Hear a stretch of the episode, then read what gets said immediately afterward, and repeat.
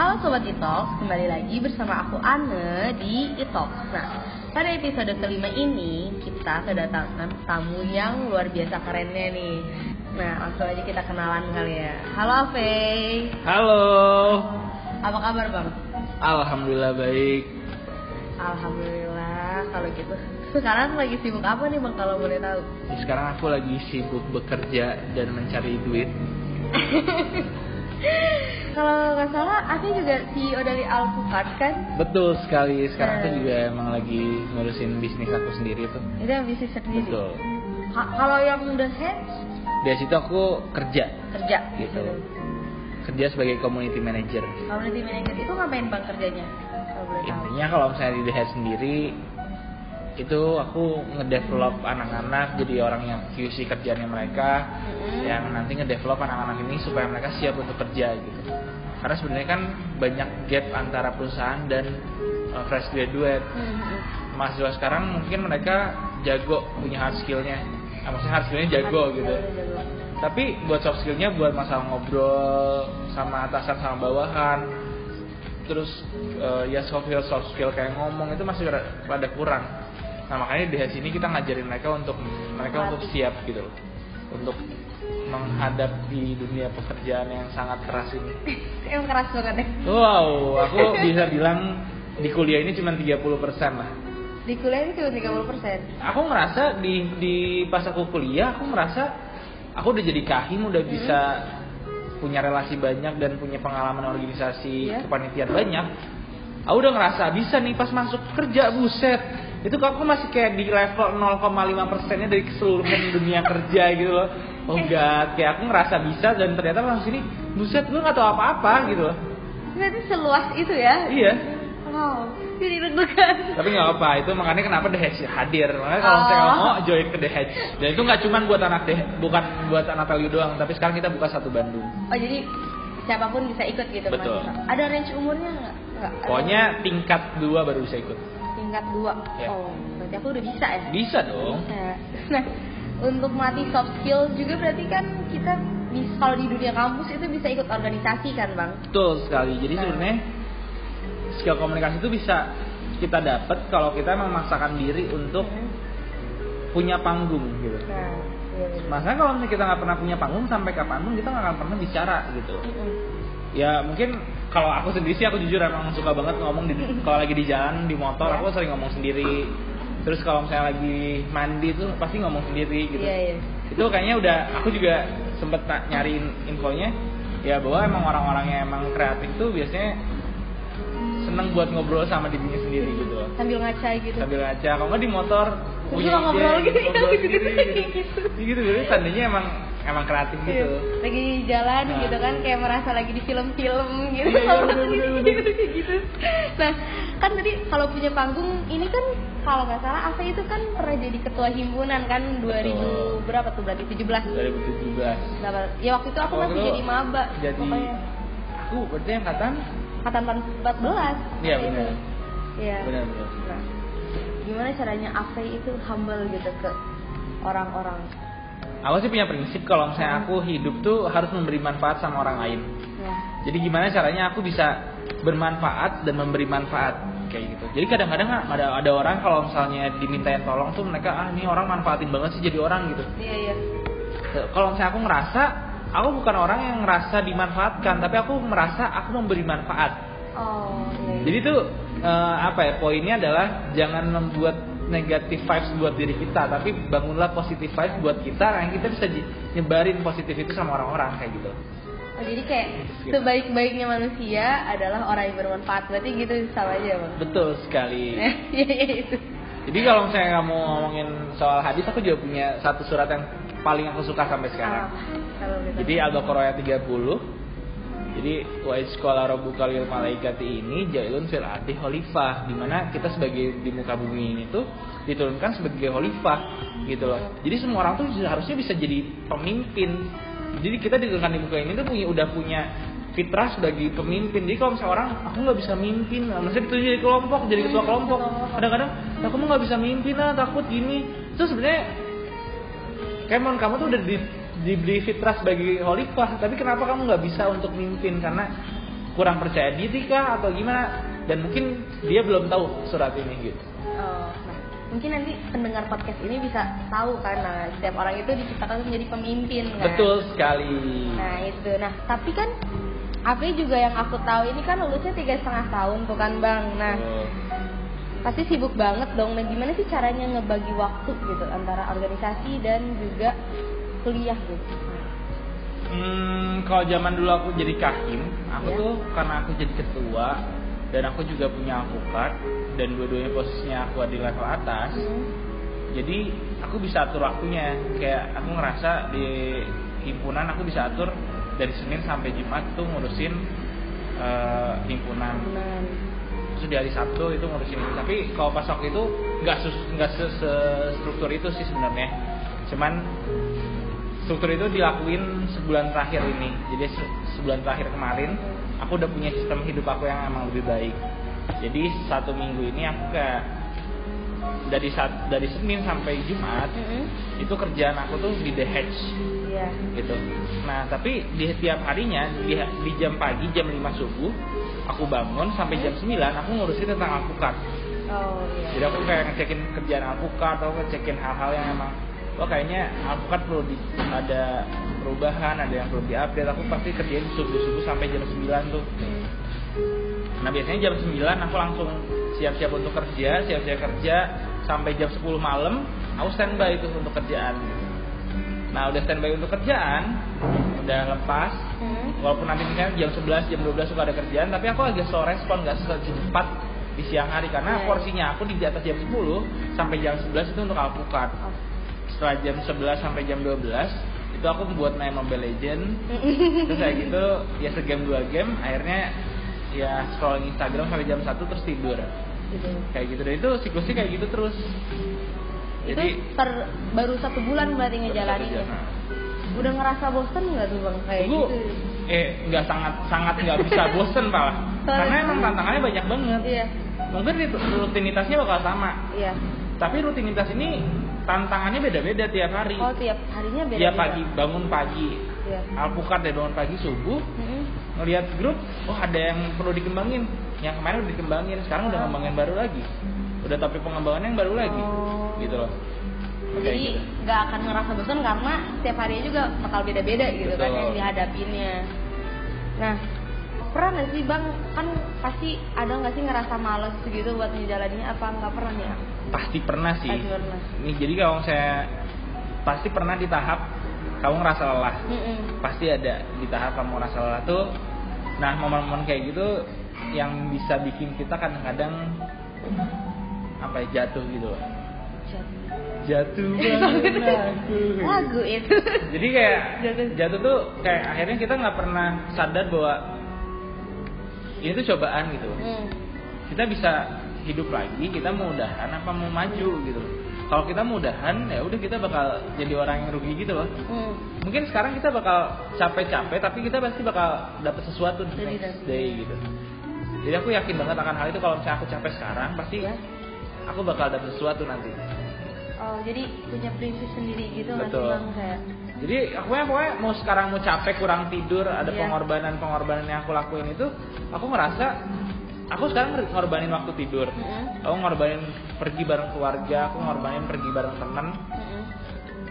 tapi aku ngerasa nanti di next day aku bakal punya sesuatu yang lebih dari itu gitu. Oh, itu tapi masih. tapi aku juga nggak nggak pernah bukan berarti aku nggak pernah main sama keluarga nggak Iya. pernah main sama teman tapi aku juga kayak satu bulan aku Hmm. pasti menganggarkan uang gaji aku untuk pergi sama keluarga gitu. Sama untuk traktir gitu sama keluarga. Kalau sama teman nggak traktir ya? Bayar masing-masing Bayar ya? masing-masing ya? Iya sih. kalau saya traktir ntar kayak enak kan kita kali-kali lah. Kali-kali lah ya boleh lah ya. Tapi Enaknya ditraktir gak sih? iya kalau traktir masih suka gitu. Dari suka kalau traktir nanti lah ya. Oke, kalau misalnya aku sendiri punya cara biar aku biar produktif tuh, aku pasti nyari sebuah kegiatan. Nah, pasti semua orang pun kalau misalnya mau produktif nyari kegiatan, ikut panitiaan gitu kan. Nah, tapi aku ada tips buat kalian kalau misalnya kalian mau jadi orang yang emang eh, apa ya, lebih produktif daripada orang-orang biasa. Mm-mm. Gak cuma sekedar ikut panitian, tapi ada yang dikejar dari sebuah panitian itu. Misalnya, ketika kalian pertama kali masuk ke sebuah organisasi, kalian nggak apa-apa ikut jadi staff, Iya. jadi ya pokoknya jadi level bawah tuh nggak apa-apa. Nggak apa banget itu malah harus gitu. Supaya kita nanti tahu ketika kita jadi pimpinan kita tahu nih bahwa sebenarnya kerja kayak gimana. gitu. Oh iya iya. Makanya kenapa aku sekarang kerja di The Hedge Hmm. Itu sebenarnya salah satu juga adalah papa bilang Kalau misalnya kamu jadi pimpinan perusahaan Kamu harus bisa pernah ngalamin, pernah dipimpin sama orang Hmm. Gitu loh Nah jadi staff dulu Ini tipsnya adalah Coba kejar jabatan setinggi mungkin Karena dengan jabatan tadi Kamu pasti bakal punya kesempatan buat ketemu banyak orang Mm-mm. Dengan ketemu banyak orang Kamu juga pasti punya tanggung jawab yang besar Mm-mm. Ba- kamu bakal belajar buat mengatur waktu, bakal belajar buat skill komunikasi, bakal belajar buat tektokan di chat pun gitu. Mm. Terus gimana emotional control itu bakal kepake banget kalau kamu jadi pimpinan beda sama jadi staff ya kamu cuma bisa nyalahin atasan biasanya Oh. kalau jadi staff karena kamu nggak nggak tahu rasanya jadi atasan pada saat itu tapi bedanya ketika atasan bisa kenapa kadang-kadang atasan lebih wise Mm-mm. karena mereka udah tahu di bawah tuh kayak gimana Oh. gitu loh Jadi, jadi, eh, jadi staff dulu itu nggak apa-apa sebenarnya. nggak apa-apa dan kadang-kadang staff itu ngejudge atasan kayak Iya, gimana iya, itu iya. itu hal yang wajar karena mereka nggak pernah jadi atasan Iya iya. Tapi Gitu. ketika jadi atasan, mereka udah tahu gimana Betul. staffnya itu. sama kan? kayak orang tua kita orang tua kita kadang-kadang marahin kita kita apa sih marah-marah Oh, gitu iya, kayak iya, bete banget Iya iya iya. ya karena mereka pernah jadi anak kecil iya, gitu iya. loh Mereka pengalamannya malah lebih Iya, banyak gitu betul kan. jadi maksudnya ya itu hal-hal yang kayak gitu harus mulai dibiasakan oke aku mas- sekarang memang masih staff tapi aku akan kejar bagian atas lagi atas lagi atas lagi jadi harus mau berproses gimana caranya aku bisa jadi posisi yang emang aku dapat knowledge lebih dari situ dengan kamu jadi punya jabatan di atas entah itu jadi kadif atau jadi kahim Mhm. atau jadi kadep atau jadi ketua bem Hmm. pasti ada posisi di mana kalian akan dicari sama orang Nah, kalau Abe juga kan sekarang lagi bisnis nih, banyak banget bisnisnya dari Alpucard, terus juga ada Reimagine Studio, terus juga ada Hedge kan, maksudnya lagi kerjaannya banyak deh. Nah, kalau sebelumnya itu Ave itu mulai dari kapan bisnisnya? bisnis aku dari SD Dari SD. dari SD aku udah udah punya feeling untuk naluri buat punya cuan Aduh, kayak eh, dari pokoknya ada yang bisa dicuanin aku Kejuanin. jadi aku pernah jualan rugos jualan pulsa jualan pulpen Oh. jualan keripik yang 500 perak kita beli di pinggiran di Kopma gitu keripik Oh, iya, iya. yang 500 perak Yang Aku- belinya satu iya, kilo gitu bukan? iya. Enggak, tapi enggak enggak dibungkusin. Oh, Jadi nggak aku beli beli yang udah dibungkusin, aku Hah? beli 2250 perak, aku jual 500. Satu sekolah SMA aku aku masuk. Jadi aku bikin satu angkatan aku kresekin Ya. sekitar 20 30 ribu itu satu kresek itu. Hmm. Oh sebar ke tiap kelas. Oh. Sebar satu kresek itu kalau misalnya nanti bisa habis aku ada cuan buat orang yang megang di kelas itu. Oh. Tapi aku juga dapat cuan gitu. Nah, terus aku juga pernah jualan Rubik's. Waktu itu Ih, yang yang gitu-gitu. Jadi pas Rubik's itu lagi zamannya Rubik's original. Terus aku Iya iya. aku punya ide eh, ya udah akhirnya jual Rubik's yang emang dari luar negeri dari Cina Hmm. untuk yang Cina tuh punya produk glow in the dark Rubik's-nya harganya lebih murah tapi punya value editnya dia glow in the dark jadi orang-orang lebih laku untuk beli Rubik's yang aku jual mana aku jual dengan cara caranya pakai Rubik's itu gimana biar mereka jadi tuh kan ada kadang-kadang bingung beli Rubik's tapi nggak ada caranya nah aku Ah, bener-bener iya, pakai iya. tutorial di kertas Oh, gitu. ada tutorialnya di kertas ya. Jadi kayak mereka beli, oh ada caranya ya udah mau dong mau gitu. itu waktu kapan lu jualan SMP. SMP? Waktu SD kalau berarti jualan apa? Maksudnya rugos, pulpen, Bagus tuh. rugos tuh eh, huruf-huruf gitu. Kamu tinggal Ah. gosok nanti dia nempel Ah, di yang kertas. Oh kamu cari aja googling rugos. itu emang itu zaman angkatan 90-an lah kali ya. mana? Itu jadi 90. Ya 96. Oh, iya. Lebih tepatnya. Lebih tepatnya. Itu berarti udah lama banget ya dari SD dari Tuh. SD-nya kelas berapa tuh, Bang? Aslinya dari kelas nggak? 4 kayaknya ya. Kelas 4. Berarti udah berapa tahun? 4 5. Udah lumayan lama lah ya, hampir Ya, 10. udah. Ada kepikiran Ya, emang percuanan cuan-cuanan. lah, percuanan. Emang pokoknya. percuanan duniawi gitu ya, suka menggoda. Terus aku juga sering jual beli HP sampai dikatain, wah anak sultan nih gitu. Oh, Jadi iya. anak sultan tuh dari zaman dulu udah ada kata Oh, anak iya? sultan. Oh. Jadi kata anak sultan tuh nggak nggak zaman sekarang aja gitu. Tapi dulu nggak se-hype sekarang kayak anak sultan anak tuh sultan? nah, apa anak sultan kalau dulu tuh, wih gila nih anak orang kaya nih yang sultan sultan sultan gitu. Jadi aku emang sering banget jual beli HP sampai sekarang. HP, HP elektronik, terus apa pun aku belinya udah barang bekas, terus aku jual beli murah terus jual mahal gitu. ada punya selisih itu untung akhirnya aku beliin lagi beliin lagi beliin lagi dari yang aku cuma punya kayak ini Apple Watch 1 kemarin aku beli Apple Watch Hmm? budget 1,7 sekarang aku punya kalau di valuein berarti aku udah sekitar 4 jutaan untungnya Oh, lumayan ya. jadi kalau misalnya bisa di modal 1,7 aku udah bisa beli Apple Watch 4 sekarang Iya, gitu. iya. jadi modal segitu gitu. Jadi kalau misalnya bisa dibilang dari HP juga aku dari yang S2 Galaxy S2 terus ke Gemini terus dari Gemini ke panjang lah pokoknya Iya. BB BB BB BB terus Android Android Android terus ke iPhone iPhone iPhone ya udah. Sampai sekarang mentok di iPhone X. Terus aku juga ngerasa kayaknya ini bisa dijual lagi dicuanin karena sekarang lagi orang banyak nyari iPhone X gitu terus kayak peluang nih peluang gitu. Tapi masih belum diiklanin sih masih mikir-mikir cuman Apple Watch aku masih baru iklanin tadi Tadi banget. tadi Di pagi. Instastory. enggak enggak di Alex Oh ya, ya. Aku juga lihat nih di highlightnya Bang T itu ada ini tips-tips tentang iPhone ya. betul jadi emang suka banget sih masalah eh, apa gadget-gadget gitu suka dari dulu Suka banget. kayak dulu pasti kalau teman-teman angkatan yang masih megang koran gitu pasti suka banget beli koran pulsa buat Iya, ngeliatin iya, doang. lihat doang. Lihat doang. Kayak aduh Iri-iri. langsung oh ya ampun ini pengen HP ini bagus banget sih speknya. Ih kameranya bisa diputer gitu. Ada kamera baru nih kayak gitu gitu. Iya, iya. gitu lah. Express musik lu gak ada gamenya cuy. Ada yang pakai mobil-mobilan gitu. Iya, anjir itu sumpah. Itu kayaknya emang semua orang dulu kayak gitu ya. Dan aku emang keterusan sampai sekarang.